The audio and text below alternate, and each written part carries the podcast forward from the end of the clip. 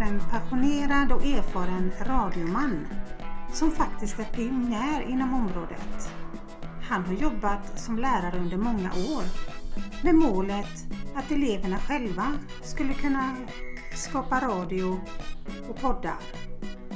Varmt välkommen hit till oss Gunnar Bergholtz. Ja, idag så befinner vi oss i en helt annan studio. Vi är nu hemma hos Gunnar Bergholtz och eh, det här kommer att bli spännande att höra. Du är ju en radioman, eller? Ja, det kan man väl säga. Eh, jag har ju varit med i Radio Nova, Nordic, eh, Nordisk Radio och jag har jobbat som lärare i ljudteknik så lite erfarenhet det har jag ju. Det låter ju jättespännande det här. Det här vill vi ju utveckla lite mera. Vad gör du just nu då? Just nu så har jag precis börjat med en skandinavisk show på eh, Big FM som är den stora engelska kanalen här nere i Torrevieja. Eh, de ville, eh, de hade liksom fått förfrågningar från deras ska vi säga, lyssnare om att ha en skandinavisk kille eller tjej som presenterar skandinavisk musik och lite annat smått och gott. Så jag blandar lite redaktionellt material med skandinaviska låtar. Och så pratar jag lite engelska ibland också så att vi inte förlorar de engelska lyssnarna. Eh, och det gör jag på söndagar mellan klockan 8 och klockan 10 på kvällen. Okej, en annan sak. Mm. Varför Spanien för dig då Gunnar? Ja, varför Spanien? Det kan man fråga sig. Ja, det är många orsaker till, till det hela.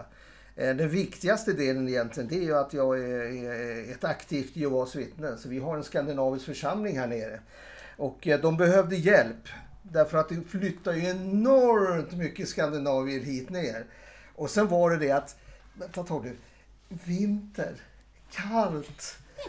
Alltså jag älskade vintern förut och likadant min fru Barbro. Men ju äldre man blev desto jobbigare blev det, desto kallare tyckte man att det var med vintern. Så därför sa vi, vad gör vi nu då? Så att eh, vi började planera redan 2010-2011 att, att eh, flytta någonstans till södern. Och Spanien låg eh, ganska nära vårt hjärta. Så därför blev det Spanien helt enkelt. Men jag kan berätta lite grann om hur den processen gick. Ja, gärna. Det låter ju jättespännande att få höra ja, ditt varför jo, Spanien. Ja, det var så här att, att vi, vi, var på Kanarieöarna på semester. Och så gick vi ut där en kväll och, och promenerade och så stod Levendet for sale. Så började vi fundera, men vänta ett tag här, vad är det här för någonting? Det var lägenheter, det var villor, det var allt möjligt. Och då började det snurra våra huvuden. Så tänkte vi, men vänta nu. Om det är nu så att man kan köpa här nere, då kanske vi ska göra det. Men då tänkte vi, en ö, det är inte så bra kanske. Det blir dyrt va? att bo på en ö och så, så efter en stund så har man sett hela ön. Så då var det fastlandet. Så då åkte vi hem till, eh, till Sverige och så besökte vi en mässa på Globen i Stockholm. Där de presenterade olika länder. Eh, hur ska man nu, om man nu blir pensionist, var någonstans ska man bo? Vad innebär det att bo till exempel i Spanien när det gäller skatter och regler och annat? Så vi gick på den mässan.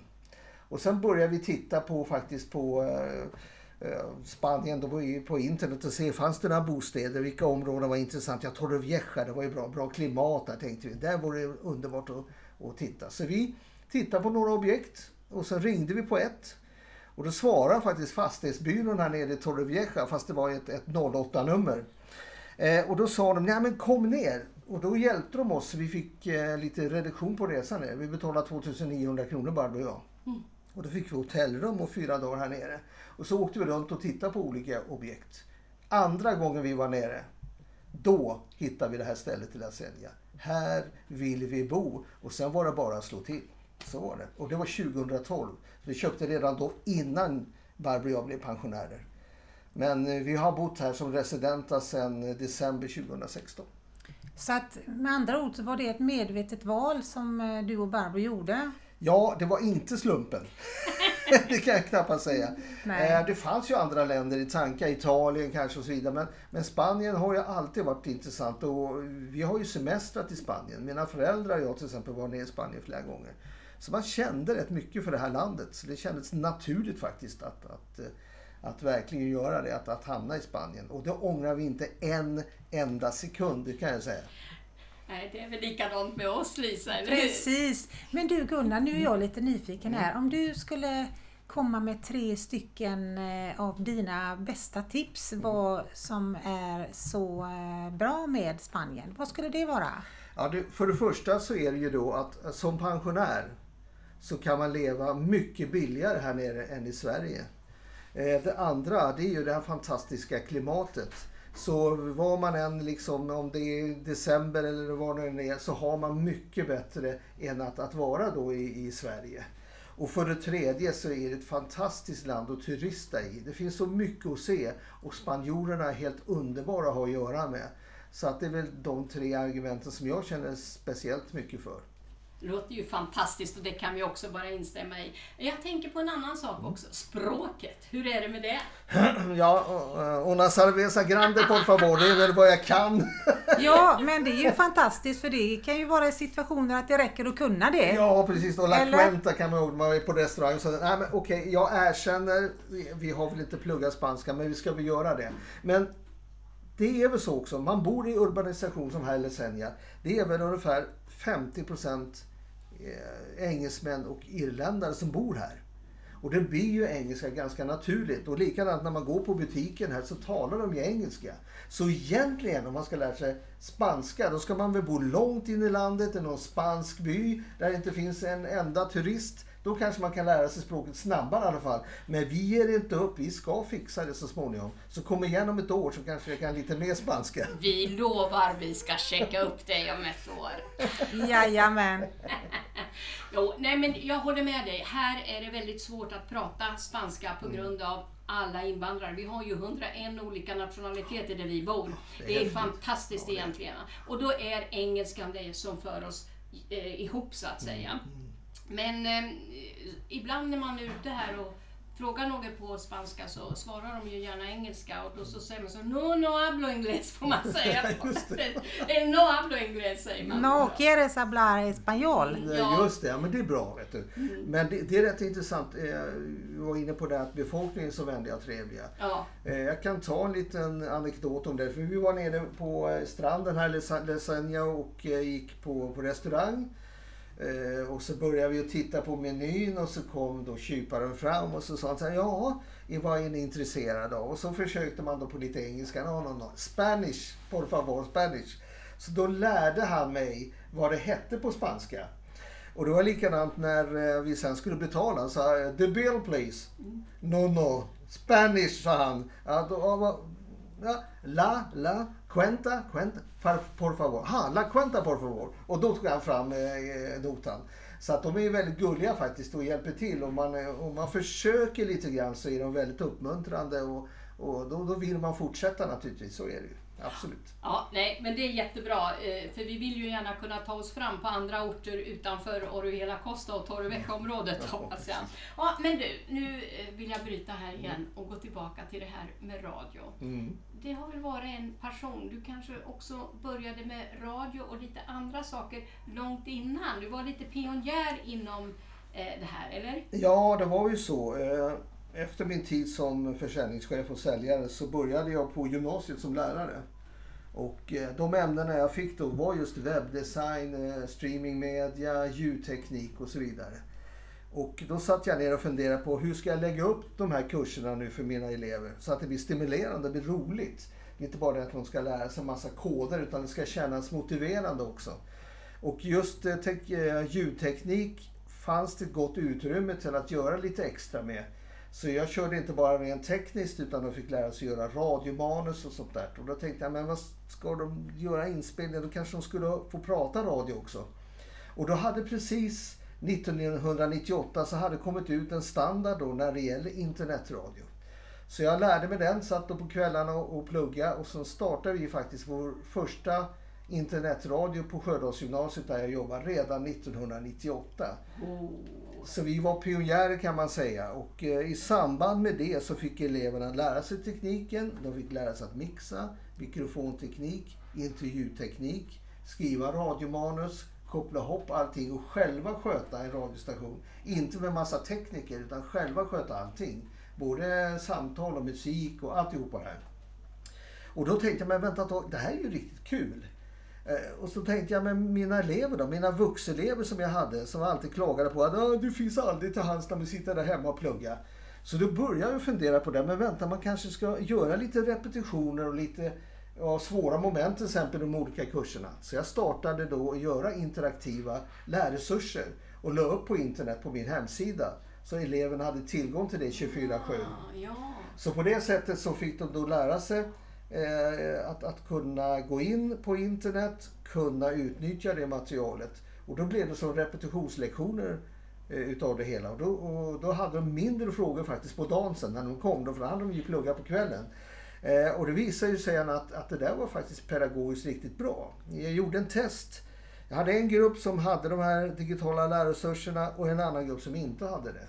Och det visade sig att de som hade tillgång till det här materialet på webben gjorde 30% bättre resultat på skrivningarna. Så det visar ju då att de hade stor fördel av att använda det. Såklart. Fantastiskt. Ja, visst är det det. Och då sa rektorn att det här är någonting som vi måste prata med utbildningsförvaltningen om. Och det gjorde de och de pratade sen med Skolverket. Så vi, jag var ute runt om i, i Sverige på, i olika kommuner då och lärde ut den här tekniken. Så jag var lite grann av, av pionjär när det gäller det området. Idag så har ju utvecklingen gått så här. Nu finns det ju Du lärplattformar. var, du var först kan vi säga. Jag var först, förste man på Skansen. Ja. Eh, så kan man säga. Och tillsammans med ett företag som eh, var väldigt intresserade av att, att eh, förmedla kunskaper till nästa generation. De heter Learnify idag. De har ju sin egen sajt och sin, eh, sina egna resurser. Men det startade lite smått och sen har det väl exploderat kan man säga. Så nu finns det väl ingen skola som inte har digitala lärresurser. Nej, det, det, det stämmer nog. Och vi som är lite äldre, vi måste ju också hänga med Ja, på något sätt. ja men jag tycker ni är duktiga. Ni har ju en egen podcast. Hur många har det? Va? Tack, så, tack så hemskt Ja. mycket. Tack. Jo, men sen när du kom till Spanien, då skulle du ju vara pensionär. Va? Mm. Och det är du ju. Ja, de säger det. Men eh, du, som vi sa, fortsätter ju med den här passionen. Jo, men det är väl lite grann utav det att, att eh, som pensionär måste man vara aktiv. Eh, för jag tror det att om man inte är aktiv och bara lapar sol hela dagarna så tror jag att, att man tröttnar ganska snart. Utan man måste ju ha möjlighet. Många spelar ju golf. Golf är ju väldigt intressant och många spelar det och eh, eh, ingår i olika konstellationer. Men jag ville ju liksom fortsätta lite grann med det här och, och eftersom jag har undervisat massa ungdomar och även äldre i att göra radio. Varför ska jag inte själv göra radio då? då? Ja. Så jag kontaktade Radio Nova Nordic som fanns här då. Eh, åkte dit helt enkelt och pratade med dem. Och då var det en norrman där som var DJ som var duktig. Och de sa att ja, vi behöver faktiskt en svensk röst. Så då fick jag göra en liten provsändning hos dem. Och eh, efter eh, fem minuter så sa de att du fixar det här. Så gick de därifrån så fick jag köra själv då i två timmar. Eh, och på den vägen är det. Jag tycker att, att har man en hobby och, så ska man naturligtvis fortsätta med den dit man kommer. Till exempel i Spanien. Ja, det är ju fantastiskt. Vi brukar ju lyssna på eh, den radion Mm. förut. Vi ska ju komma till den nya nu då. Men det är ju väldigt bra blandning av musik och, Mm. och prat och så. Och det är väl det vi lyssnare vill ha.